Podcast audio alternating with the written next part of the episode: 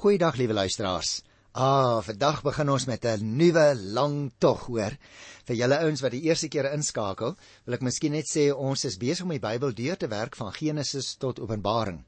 Nou gewoonlik doen ons so een of twee boeke uit die Ou Testament omdat daar 39 boeke is en dan doen ons 'n boek uit die Nuwe Testament omdat daar minder boeke is, net 27 boeke in die Nuwe Testament.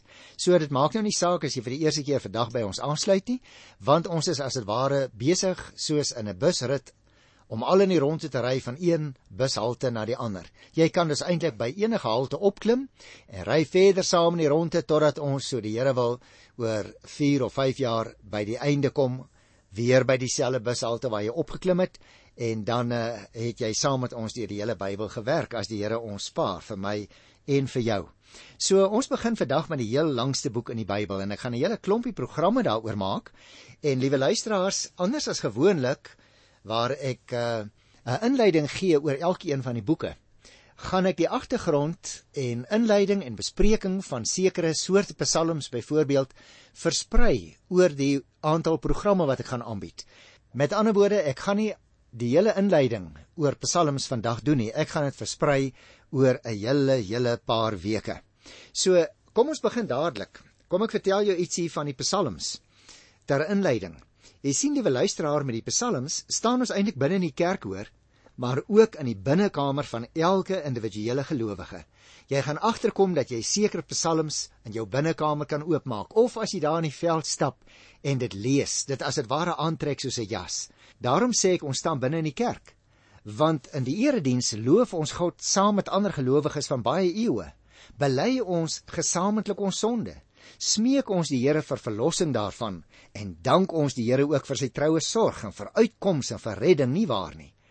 Aan die ander kant in 'n mens se persoonlike binnekamer kniel jy en ek as gelowige, soos baie eeue gelede ook gedoen is. Nou nog steeds 'n nederige ootmoed om die Here te prys, omdat hy goed is, omdat hy aan my persoonlik dink. Buig jy en ek as Christen om ons persoonlike sonde voor die Here te bely. Vra ons vir hom persoonlik vergifnis daarvoor nie in die gemeenskap van die erediens nie. Ook soms in ons binnekamer om dankie te sê vir lewenskrag vir daaglikse brood vir verlossing om te wonder oor die lewe en oor die wêreld waarin ons woon. Soms kom ons in ons binnekamer voor die Here om God daarvoor te dank dat hy ons in hierdie wêreld deur sy woord en deur sy gees lei en ons aan sy wil bekend maak juis deur die studie van die Here se woord Nou aan die ander kant wil ek ook byvoeg om te sing is natuurlik eie aan elke mens. Die oorleweringe van alle volke getuig daarvan. Ook Israel se bure het baie kere gesing. Baie male het hulle gesing oor dieselfde sake as die waaroor die ou verbondsvolk gesing het. En tog, die lied van Israel was anders as die lied van hierdie ou volkere. Israel se liedere het vertel van hulle geskiedenis en van die Here, hulle God. Juist daarom is hierdie liedere na eeue nog steeds opgeneem en word dit nog steeds gesing, telkens in 'n nuwe taal en in 'n nuwe idioom. Is dit nog steeds jaar in en jaar uit die woorde waarmee gemeentelede en individuele lidmate in die erediens ja, in die huiskring soms of in die stille afsondering ons eie hart uitstort voor God, die lewende God. Die psalms wil ek amper vir jou sê is die hart van die kerk hoor, die hart van die gesin, die hart van die gelowige. Wie die psalms met oorgawe en toewyding lees en dit ook sing van tyd tot tyd, wie dit aanvaar en uitspreek as sy eie woorde, as vertolking van sy eie gedagtes en stemminge, ontmoet vir God. Aan die ander kant wil ek vir jou sê, ek het nou nou die beeld gebruik van 'n jas. Wie jy liewe luisteraar, elke moontlike emosie wat 'n mens kan oordink en persone kan ervaar, word as dit ware verklank in verskillende van die psalms. Ek gaan nog baie vir jou daarvan vertel. Met ander woorde, as ek in die oggend opstaan en ek voel hierdie is so 'n mooi dag, ek wil die Here aanbid en ek wil hom dankie sê, dan sing ek 'n danklied. En ag nou kan jy sê, maar broer Johan, ek kan nie eintlik mooi sing nie. Wie dan kan jy 'n loflied lees uit die Psalm en sê Here, ek trek as dit ware hierdie Psalm aan vandag soos 'n jas. En ek lees dit sommer hardop met vreugde voor U as die lofsang van my hart. Of jy kan sê, Here, dit gaan nie vandag met my goed nie. Ek is benoud oor dinge. daar is sekere dinge waaroor ek sommer my hart voor U wil uitklaag, dan kan ek 'n klaaglied sing of lees. En jy sien so die psalmdigters dit ook ondervind. 'n Ontmoeting met God en daardie ervaring wat hulle gehad het, het hulle verklank in die lied. In die psalme die digter bidder byvoorbeeld homself aan God oorgegee. Hy het ondervind dat hy aan God behoort en dat die Here vir hom sorg en dit elke keer in 'n nuwe lied voor die Here verklank. En tog, luisteraar, tog. Die psalms kom uit 'n wêreld so heeltemal anders as die wêreld waarin jy en ek woon. Daarom praat die psalms met ons. Dis ons eie taal, maar tog moet dit ook vir ons soms so bietjie verduidelik word.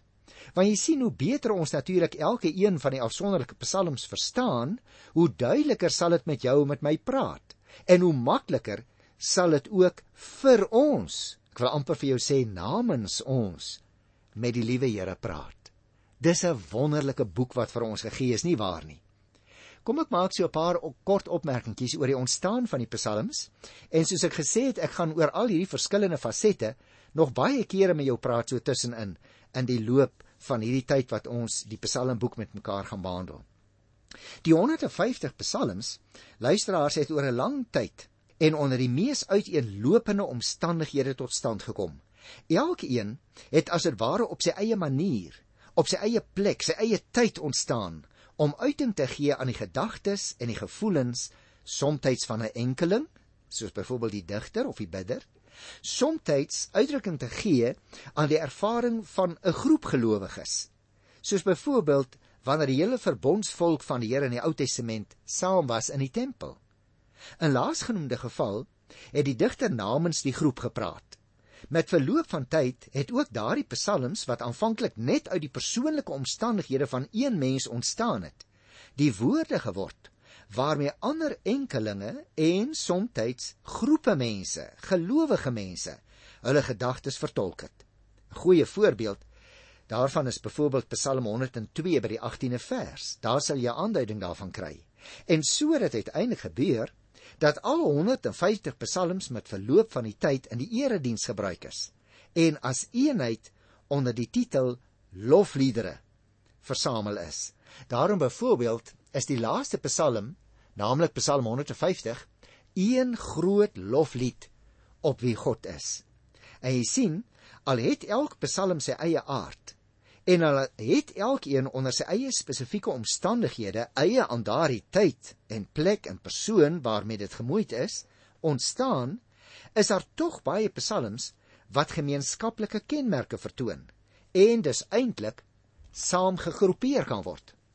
'n ander interessante ding wat jy miskien nog nooit opgelet het nie en daarvoor kan jy spesifiek kyk voor in die 1983 vertaling En dan sal jy hierdie interessante ding daar raak lees dat die Psalmboek wat dan 150 hoofstukke of psalms bevat, eintlik ingedeel kan word in 5 verskillende boeke. Dis met ander woorde 5 boeke wat saamgevat is in een psalmbundel. Hulle strek die eerste boek strek van Psalm 1 tot aan die einde van 41. Die tweede boek van Psalm 42 tot aan die einde van 72. Die derde een, Psalm 73 tot aan die einde van 89. Die vierde Psalmboek van Psalm 90 tot aan die einde van 106 en dan die laaste en die vyfde Psalmboek van Psalm 107 tot aan die einde van Psalm 150. Nou ons lees gewoonlik die psalms en dan merk ons dit nie altyd op nie. Kom ek vertel jou vandag ook nog so klein bietjie van die skrywers en die ontstaantyd. Jy sien as 'n mens deur die Psalmboek blaai, dan kom jy baie gou agter dis nie almal psalms van Dawid soos wat ons soms dink nie. Daar was ook ander skrywers, byvoorbeeld Asaf, Moses, Salomo en dan was daar ook nog 'n groep tempelsangers wat seker van die psalms geskryf het, naamlik die Koragiete. Hulle taak was om in die tempel voor te gaan in die sang. Die psalms kom dus baie duidelik nie almal uit dieselfde tydperk nie, maar hulle dateer uit die verskillende periodes van Israel se volkslewe. En elkeen van die psalms het ook sy eie agtergrond waarteen dit ontstaan het. Byvoorbeeld Psalm 137. Dit het ontstaan tydens die ballingskap Nou wil ek nie vandag al uh, Psalm 137 behandel nie, maar ek wil net vir jou interessantheidshalwe daarop wys. Want jy sal weet ons kinders aanbid die Here soms op ander maniere as wat jy en ek gewoond geword het deur die jare. Daarom uh, sal jy byvoorbeeld daardie lied ken wat hulle soms sing, By the rivers of Babylon. Maar as jy nou kyk in Psalm 137, dan sal jy sien daardie Psalm se agtergrond is die van Babel. Dit het daar tydens die ballingskap ontstaan en baie van daardie kinders en jong mense is in ballingskap gebore. Hulle het maar die ou verhale van die ou mense wat vir hulle vertel het van die tempel in Jerusalem, daardie stukkie geskiedenis geleer. Nou as ons kyk na die Psalm, dan begin dit so: By die riviere van Babel, daar het ons gesit en ons trane het gevloei as ons aan Sion dink. Jy sien, daar is 'n stuk van 'n klaaglied daarin. Dit is eintlik nie 'n lied waarop 'n mens moet dans soos wat daar soms gedoen word nie. Kyk vers 2. Aan die wilgebome in daardie land het ons ons liere opgehang. Toe die wat vir ons gevange weggevoer het, ons gevra het om 'n lied te sing. Toe die wat vir ons leed aangedoen het, van ons vrolikheid wou hê, het gesê sing vir ons 'n lied oor Sion. Nou vra hulle die vraag in vers 4. Hoe kan ons die lied van die Here sing in 'n vreemde land? As ek jou vergeet, Jerusalem, mag my regterhand dan verlam raak. Nou ek wil nie die Psalm verder lees nie want dan begin ek nou om hom te behandel. Maar ek wil eintlik maar net vir jou illustreer, liewe luisteraar, dat elke Psalm 'n baie spesifieke ontstaansplek en tyd in die geskiedenis gehad het en daarmee moet 'n mens natuurlik altyd rekening hou juis as jy die Psalm beter wil verstaan. Nou is dit ook natuurlik nou weer aan die ander kant nie vir ons so maklik om al die psalms se omstandighede presies te ken nie. Inteendeel, liewe luisteraar, ons weet eintlik maar min van die meeste van die psalms se agtergrond. Party psalms is ook nou weer spesifiek geskryf vir die erediens. Ander was weer individuele verwoordings wat eers later opgeneem is in die gemeentebundel. Die psalms het oor 'n tydperk, soos hy sommige geleerdes, van tussen 6 en 700 jaar ontstaan. Sommige van die Ou Testamentiese meen dat die psalms selfs oor 'n periode so lank as 1000 jaar ontstaan het en reflekteer die totale geloofslewe van die ou godsvolk Israel.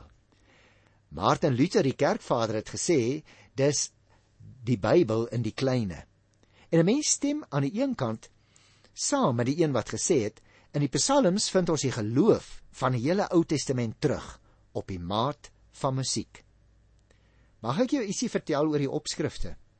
Jy sien ons bekommer ons nou nie eintlik oor die probleem van die betroubaarheid van die opskrifte nie. Ek het al van tevore vir jou gesê, al die opskrifte in die Bybel is in skuinsdruk en dit is 'n aanduiding dat dit nie deel vorm van die oorspronklike geïnspireerde geskrif nie.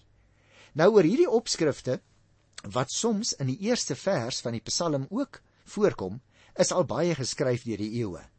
Nou ons is eintlik geïnteresseerd in die gegevens wat die opskrifte verstrek. Hulle dui onder andere vir ons verskillende dinge aan. Kom ek noem vir jou 'n paar voorbeelde. Daar's byvoorbeeld opskrifte wat die veronderstelde skrywers aandui. 73 van die psalms byvoorbeeld word aan Dawid toegeken. 2, naamlik Psalm 72 en 127 word toegeskryf aan Salomo as die digter. Net een Psalm word aan Moses toegeskryf, naamlik Psalm 90. 12 word toegesê aan Asaf. 11 van die psalms aan die Koragiete, ek het net vir jou gesê, hulle was die tempeldigters. Een aan 'n man met die naam van Etan, naamlik Psalm 89, en nog een aan 'n man met die naam van Heman, naamlik Psalm 88. Interessant ook, Sommige opskrifte dui die besondere wat ons vandag sou noem soort psalm aan waarmee ons te doen het. Byvoorbeeld, daar word bo aan sommige van die liedere geskrywe psalms of liedere of gedigte of gebede. Somstyds word dit genoem 'n loflied, somstyds 'n klaaglied. Nou is daar natuurlik ook 'n hele aantal musikale terme waarvan ons nie regtig vandag meer die betekenis verstaan nie. Het jy al daaroor gedink? Kom ek noem vir jou voorbeelde. In Psalm 4 vers 1 lees ons byvoorbeeld vir die koorleier met snare spel. Nou ja, ons weet nie presies hoe daardie lied geklink het nie. Ons weet nie presies waar daar verwys word nie. In Psalm 5 vers 1 staan daar byvoorbeeld vir die koorleier met fluitspel. Hierdie soort van voorbeelde kry ons deurgangs in die Psalmboek. Nou is daar ook terme in die opskrifte wat vermoedelik die melodie aandui. Soos byvoorbeeld in Psalm 9 vers 1 staan daar vir die koorleier dubbelpunt op die wysie van by die dood van die seun. Nou ja, ons weet nie presies na wie daar verwys word nie. Jy kan ook nog ander voorbeelde gaan naslaan in die Bybel, want dit sal vir jou interessant wees om so bietjie 'n slaggie net deur die opskrifte van die psalms te blaai. Dis ook en dit is die laaste opmerking in hierdie verband wat ek wil maak dat uh, daar 34 van die psalms is wat geen opskrifte het nie. Byvoorbeeld Psalm 1 en 2 en 10 en 33 en 43 en nog 'n hele klomp ander. So, partykeer verwys ons sommer so in die verbygaan na die psalms as die weeskinders. Maar nou goed, genoeg liewe luisteraar vir agtergrond, want ek het nog heel wat daarvan wat ek graag so bietjie met jou wil deel in die res van die programme. Kom ons begin en dan kyk ons vandag so bietjie na die eerste psalm. Nou as jy dit voor jou oophou en dit sal bly wees as jy die Bybel voor jou oophou soos wat ek daar deurgaan, ek sal miskien nie al die psalms in detail kan behandel nie, maar ek sal na die meeste in elk geval daarom verwys. Ons begin dus met die eerste Psalmboek wat dan strek van Psalm 1 tot aan die einde van Psalm 41. Psalm 1 lyk dit vir my, liewe luisteraar, handel eintlik oor 'n baie eenvoudige saak. Want jy sien, in ons tyd is ons gewoond Ons hoor by sielkundiges en dit is nie verkeerd nie en by verskillende mense uit verskillende vakgebiede dat daar baie soorte mense in hierdie wêreld is. Wie jy wat? Die Bybel deel mense eintlik in Psalm 1 in in hoofsaaklik net twee groepe. Naamlik goddeloses, so word hulle genoem in vers 1 en regverdiges. So word die ander groep genoem in die 6ste versie. Met ander woorde, wat die Bybel betref, loop daar 'n skeidslyn tussen mense. Jy is of iemand wat die Here nie dien nie, dan val jy in die goddelose groep, of jy is in die groep wat die Here dien. Dan word jy geklassifiseer in die ander groep, naamlik die regverdiges. Maar nou kan 'n mens die Psalm, die eerste ene ook so 'n bietjie fyner indeel. Jy kan sê daar is twee soorte lewenstyle. En dit word vir ons beskryf in die eerste 2 versies. Kom ek lees dit vir jou. Dit gaan goed met die mens wat nie die raad van die goddeloses volg nie. Nie met sondaars omgaan en met ligsinniges saamspan nie. Maar wat in die woord van die Here sy vreugde vind, dit dag en nag oordink. Stem jy saam as ek sê dit lyk vir my ons kan na die eerste 2 versies indeel en sê daar's twee soorte lewenstyle. Of aan die kant van die goddeloses of aan die kant van die Here en dan vind 'n mens jou vreugde ook in die woord van die Here. Maar behalwe die twee soorte lewenstyle sê vers 3 en vers 4 vir ons daar is twee soorte lewensmoontlikhede. Hm, dis interessant. Luister hierso. Hy is soos 'n boom wat by waterstrome geplant is, wat op die regte tyd vrugte dra en waarvan die blare nie verdroog nie. Hy is voorspoedig in alles wat hy aanpak. En dan nou weer die ander lewensmoontlikheid. So is die goddeloses nie. Hulle is soos kaf wat deur die wind uitmekaar gewaai word. Behalwe dus die twee soorte lewenstyle en behalwe die twee soorte lewensmoontlikhede, vertel vers 5 en 6 vir ons nog 'n ding. Daar is twee soorte uiteinde. Dis interessant. Kom ek lees dit vir jou. Daarom sal goddeloses sien daar's die een groep. Daarom sal goddeloses hulle nie kan handhaaf wanneer die Here oor hulle oordeel nie. En sondaars nie 'n plek hê in die vergadering van regverdiges nie. Waarlik, die Here lei die regverdiges. En jy sien daar is die ander uiteinde by die Here. Die Here lei die regverdiges op hulle pad, maar die pad van die goddeloses lei tot ondergang. Met ander woorde, dit is wanneer die kaf en die koring uiteindelik geskei word. Gaan kyk gerus in Matteus 3 by die 12de vers. Daar sê dieselfde gedagte daar kry en ook in 2 Timoteus die tweede hoofstuk by vers 19. As ek dit die eerste Psalm moet saamvat, liewe luisteraars, sal ek vir jou sê dit lyk vir my Die Here sê daar is twee soorte of twee groepe mense in hierdie wêreld. Daar is net twee paaie. Die pad van die regverdiges en die pad van die goddeloses. Mag ek vir jou vra in watter groep val jy? Wat is die pad wat jy loop, liewe luisteraar? Ek wil graag ook nog so vinnig vinnig met jou kyk na die tweede Psalm. Want jy sien, in Psalm 2 het ons nou weer 'n heeltemal ander soort Psalm op die tafel. En is baie interessant dat ons hier in Psalm 2 uh, te maak het met 'n ander soort Psalm, naamlik wat ons gewoonlik noem koningspsalms. Nou koningspsalms as 'n hele paar van hulle, byvoorbeeld Psalm 2 en 18 en 20 en 21 en nog so 'n paar ander, nou hulle word dan die koningspsalms genoem. Daar's 10 van hulle in die Bybel. En hierdie 10 psalms handel in die besonder oor die koning en word daarom koningspsalms genoem. Aangesien die koning beskou is as die verteenwoordiger van die Here, het hy 'n besonder belangrike plek in die verhouding tussen God en sy volk beklee.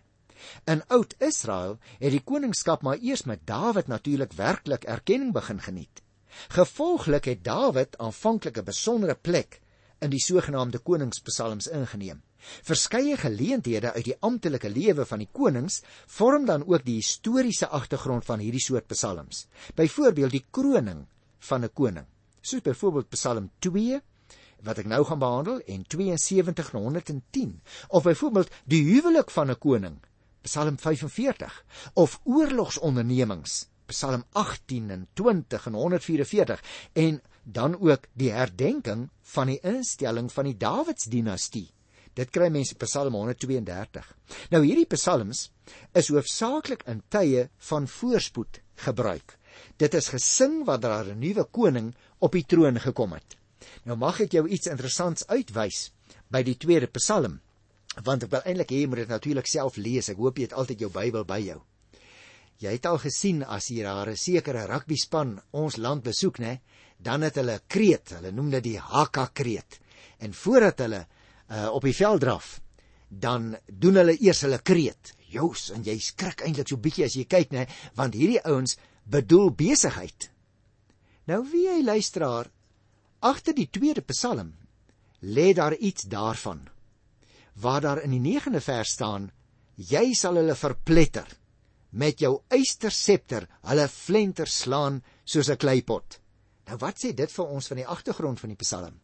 Voordat die Israeliete in die oorlog uitgetrek het, het hulle soms, nie altyd nie, maar soms, die naam van hulle vyand geskryf op 'n kleipot.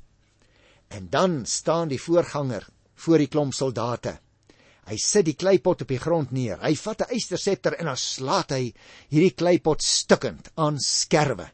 Dit was 'n simboliese handeling om te sê: "So gaan ons ons vyande verslaan." Kom ek lees die Psalm vir jou en dan sê jy die agtergrond snap. Waarom is daar onrus onder die volke?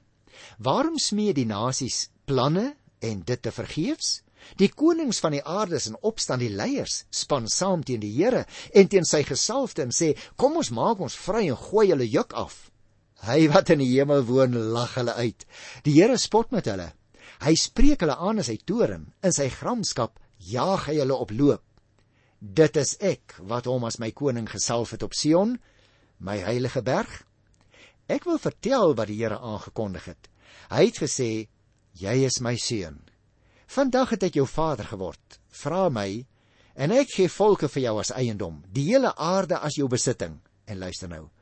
Jy sal hulle verpletter met jou eysterscepter, hulle flenter slaan soos 'n kleipot. Nou ja, liewe luisteraar, ek dink as 'n mens dus so bietjie die agtergrond ook in die gebruike van daardie tyd in gedagte hou, dan verstaan jy sommer hierdie tweede Psalm beter. Wat het ons vandag geleer? Ons het so 'n bietjie gepraat oor agtergrond en inleiding tot die Psalms en dat dit eintlik liedere is wat gesing is, gedigte wat gelees is soms. Maar die eerste Psalm het vir ons geleer wat die Here betref, word mense net in twee groepe ingedeel in hierdie groot wye wêreld van ons. Die mense wat goddeloos is en die Here nie ken en hom nie dien nie en dan die regverdiges. En watter groep val jy? Die tweede Psalm het vir ons geleer en die agtergrond het dit geillustreer dat ook wanneer mense soms in die oorlog uitgetrek het, Dan het hulle simboliese handelinge uitgevoer, hulle self as dit ware moed ingepraat daarmee. Het hulle die kleipot stuk ingeslaan met 'n eystersepter en gesê: "Ons glo. Soos wat ons hierdie eyster gebruik en soos wat ons hierdie kleipot stuk inslaan, so glo ons gaan ons met ons vyande doen." nou ja, dan kon hulle met moed die vyand tegemoet gaan. Wat 'n wonderlike wonderlike inleiding vir die Psalmboek. Ek groet jou liewe luisteraar tot volgende keer in die wonderlike naam van die Here, die groot koning. Tot dan. Totsiens.